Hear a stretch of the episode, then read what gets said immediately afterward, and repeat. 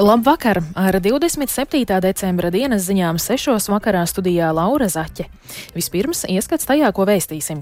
Veselības ministrs Hosams Abu Merī sola risinājumu uz ģimenes ārstu problēmām.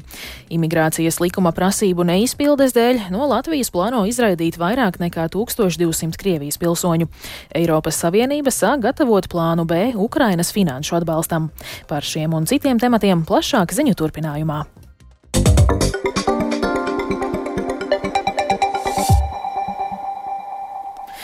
Lai bažās par naudas trūkumu daļa ģimenes ārstu neatstātu darbu un nesagādātu problēmas pacientiem, veselības ministrs Hosams Abu Merī no jaunās vienotības sola janvārī risināt ar ģimenes ārstu slodzi saistītās problēmas. To viņš apliecināja sarunā ar Latvijas ģimenes ārstu asociācijas vadību.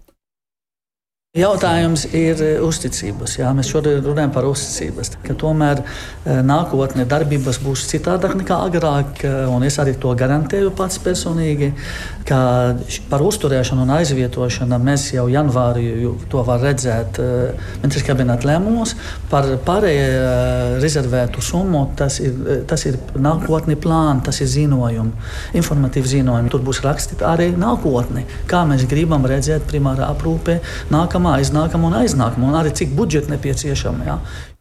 Trešdienas rītā līgumu par darbu nākamajā gadā nebija parakstījuši aptuveni 110 no 1200 ģimenes ārstiem.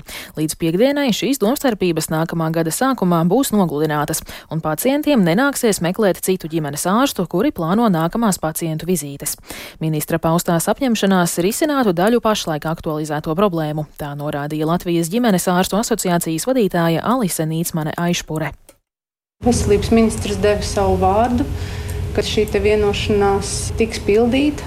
Tad mēs informēsim kolēģus, un kolēģi lems, kā tālāk darīt. Tās pirmās nu, degošās nepieciešamības, ka noteikti pietiktu, bet mums ir darba grupa, kas strādā pie tā, lai veselības aprūpes, primāro veselības aprūpi uzlabotu un nu, izskatītu un šīs lietas. Tad pie tā strādā un tam noteikti būs nepieciešams daudz lielāks finansējums.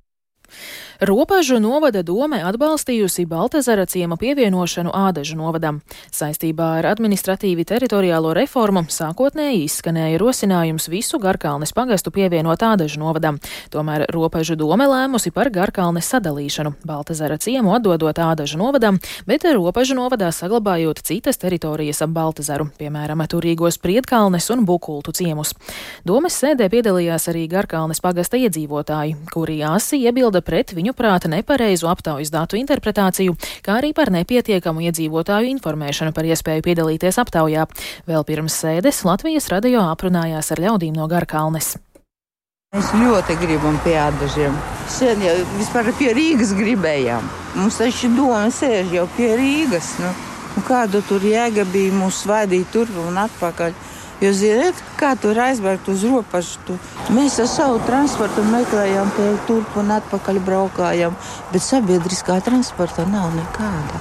Tad jūs Ļoti domājat, nēti. ka jūs vairāk piedarat pie ādažiem? Viņi taču tuvāk ir.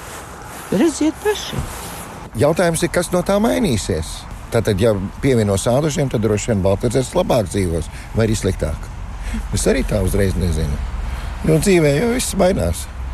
Arī upē ūdens mainās grūti. Augstākā tiesa ierosinājusi kasācijas tiesvedību Zolitūdes traģēdijas krimināllietā. Līdz šim pirmās divas tiesu instances par vainīgu lietā ir atzinušas tikai vienu personu - veikala būvinženieri Ivaru Sergetu, vienlaikus norādot uz trūkumiem izmeklēšanā. Savukārt visus pārējos apsūdzētos tiesa attaisnoja. Pagaidām lietas izskatīšanas datums nav zināms.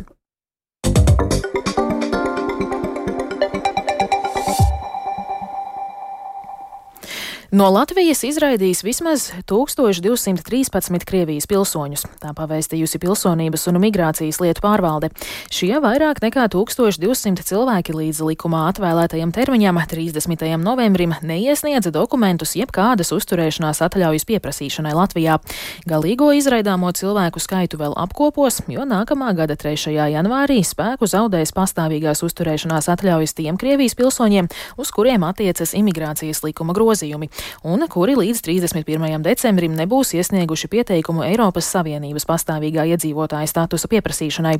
Pilsonības un migrācijas lietu valde uzsvera, ka šīs dokumentu iesniegšanas termiņš attiecas tikai uz tiem cilvēkiem, kuri līdz 30. novembrim bija atkārtoti kārtojuši valsts valodas pārbaudi.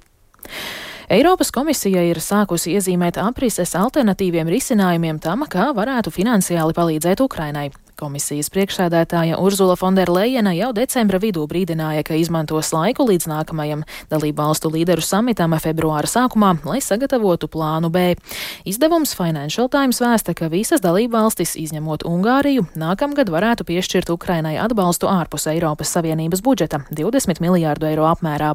Plašāk stāsta mūsu Briseles korespondents Artjoms Konohovs.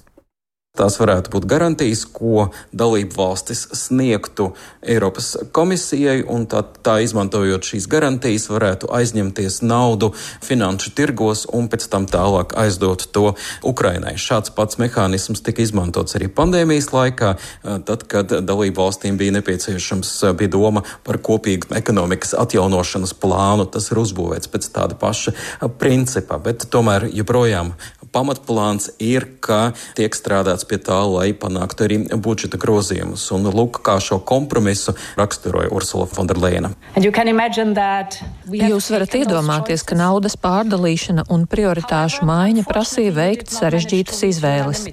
Mēs esam šīs izvēles veikuši. Tomēr mēs nevarējām panākt vienprātību, jo Ungārija nebija gatava izteikt atbalstu. Tagad mums būs jauna tikšanās nākamā gada sākumā.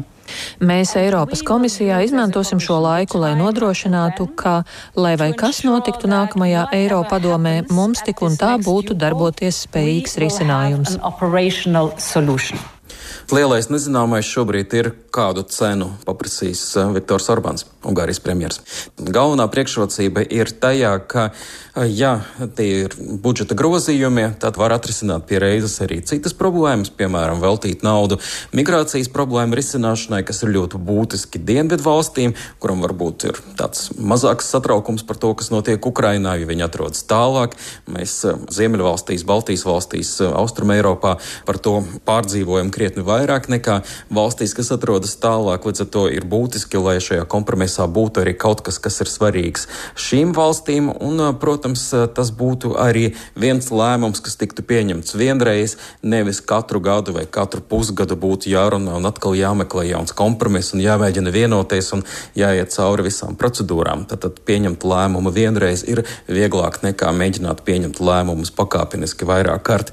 Tās ir tās galvenās priekšrocības, kādēļ tomēr joprojām gan vairums dalību valstu, gan Eiropas komisija vēlas grozīt Eiropas Savienības budžetu, nevis meklēt naudu Ukrainai ārpus tā. Gan ASV finansiālā palīdzība, gan arī Eiropas Savienības finansiālā palīdzība dod arī signālu pieņemsim starptautiskajām valūtas fondam, ka arī tas var turpināt sniegt atbalstu. Tas viss ir būtiski, jo neviens no šiem spēlētājiem nevar pilnībā nosakt tās lielās vajadzības, kādas šobrīd ir Ukrainai, kas tā finansiālā palīdzība, kas ir nepieciešama.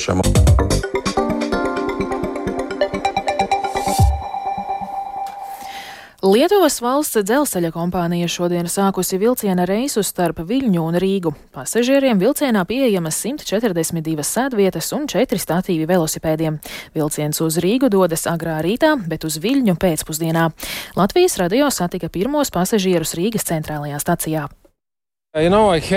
Ar ceļošanu uz Rīgu esmu saistīts jau vēsturiski. Mana māte bija gide. Rīgu es atceros no pusauģu gadiem un pat agrākiem laikiem.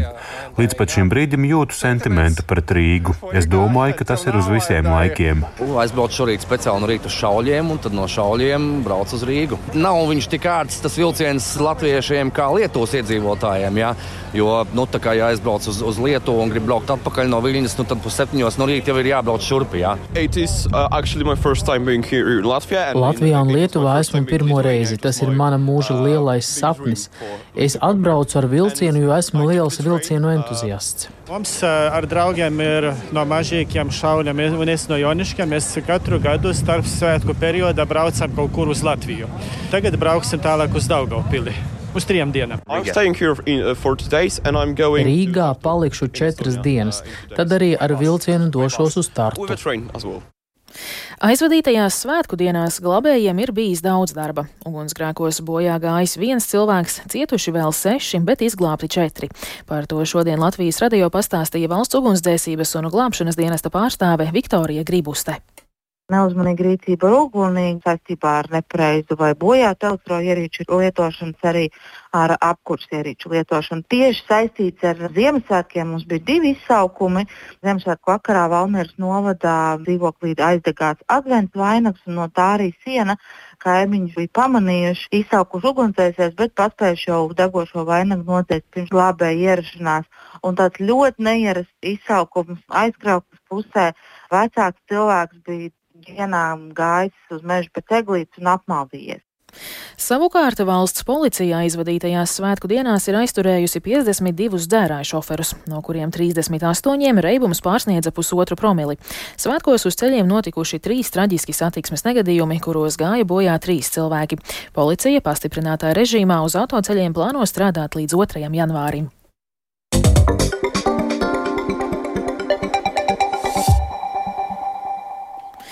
Eksploatācijā nodots jaunā Rīgas teātra ēku komplekss Lačplēša ielā 25. Janvārī ēkās vēl turpināsies defektu novēršana un telpu iekārtošana. Plānots, ka drīzumā teātris varēs sākt iekārtoties tā vēsturiskajā atrašanās vietā. Izbūvējot pazemes konstrukcijas, teātrim gandrīz divas reizes palielināts ēkas apjoms. Tostarp pazemes stāvā būs darbnīcas, bet jaunajā piecstāvu namā izvietos divas blackbox zāles, vairākas mēģinājumu zāles un telpas aktieriem. Jaunā būve un vēsturiskā vēsturiskā teātra ēka ir savienotas ar stiklotu eju. Un noslēgumā vēl par sportu. Puse deviņos vakarā pasaules U20 hokeja čempionātā gaidāma Latvijas izlases spēle pret Kanādu. Pēc desmit gadu pārtraukuma čempionāts notiek Zviedrijā. Zviedrijas junioru izlase pie zelta nav tikusi kopš 2012. gada, un šajā turnīrā izlase cer mājās atgriezt čempionu titulu. Čempionāta klātbūtne Zviedrijā ir jūtama. Vairāk stāstā hokeja apskatnieks no Medija sporta centra Skoma, kurš atrodas turnīra norises vietā Ulvis Brože kad es pirms eh, divām dienām ierados Gēteborgā, tad drīzāk varēju nepamanīt to, ka ir Ziemassvētki, nekā to, ka šeit notiek U20 pasaules čempionāts. Jo lidostā pirmie plakāti, kas sagaidīja, bija ar Zviedru un kanādiešu junioru spēlētājiem no iepriekšējiem gadiem pilsētā arī dažādas reklāmas, dažādi plakāti. Līdz ar to nu, tas ir liels notikums šeit. Zviedrijā kopumā pilns tribīns uz pirmo spēli. Arī kanādieši vairāk tūkstoši, kurus arī ielās. Nevar nepamanīt. Cilvēki Kanādas kreklos nāk pretī, iet uz hali, halas apkārtnē noteikti viņi ir pamanām. Un liels notikums. Un nevar nepamanīt Gēteborgā.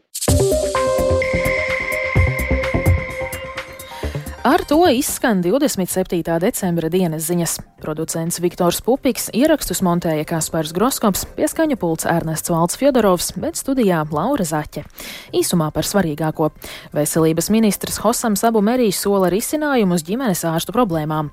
Imigrācijas likuma prasību neizpildes dēļ no Latvijas plāno izraidīt vairāk nekā 1200 Krievijas pilsoņu. Eiropas Savienība sāk gatavot plānu B Ukrainas finanšu atbalstam. Un vēl tikai par laika laikapstākļiem. Yeah. Gaisa temperatūra Rīgā šobrīd ir plus 2 grādi un pūš ziemeļrietumu vējš 7 m2. Atmosfēras spiediens ir 760 mm, bet relatīvais gaisa mitrums 83%. Šovakar dažvieta Latvijā sniega, vidzemē iespējama arī putināšana. Pūš brāzmains ziemeļrietumu, rietumu vējš un gaisa temperatūra valstī ir no mīnus 1 līdz plus 4 grādiem. Bet par to, kādi laikapstākļi gaidāmi turpmāk, stāsta Toms Brīcis. Ceturtdien Latviju no rietumiem šķērsos plaša nokrišņa zona, kas sākumā nesīs sniegu, bet dažās stundās tas pāries Lietuvā. Vidzemē un Latgalē gaidām arī atkal jeb sasalstošas lietus, tādēļ ceturtdienas vakarā braukšanas apstākļi valsts austrumos būs īpaši sarežģīti, strauji veidosies apledojums. Piektdiena būs lietaina un vējaina, temperatūra plus 2, plus 7 grādi, sniegs strauji kusīs. Gadumijā temperatūra nedaudz pazemināsies, tādēļ lietu atkal daudz vietā īpaši vidzemē un Latgalē nomainīs sniegs. Tieši jaun jaungada naktī temperatūra vidzemē un Latvijā visticamāk būs kādu grādu zem nulles, bet pārējā valstī saglabāsies nedaudz virs nulles.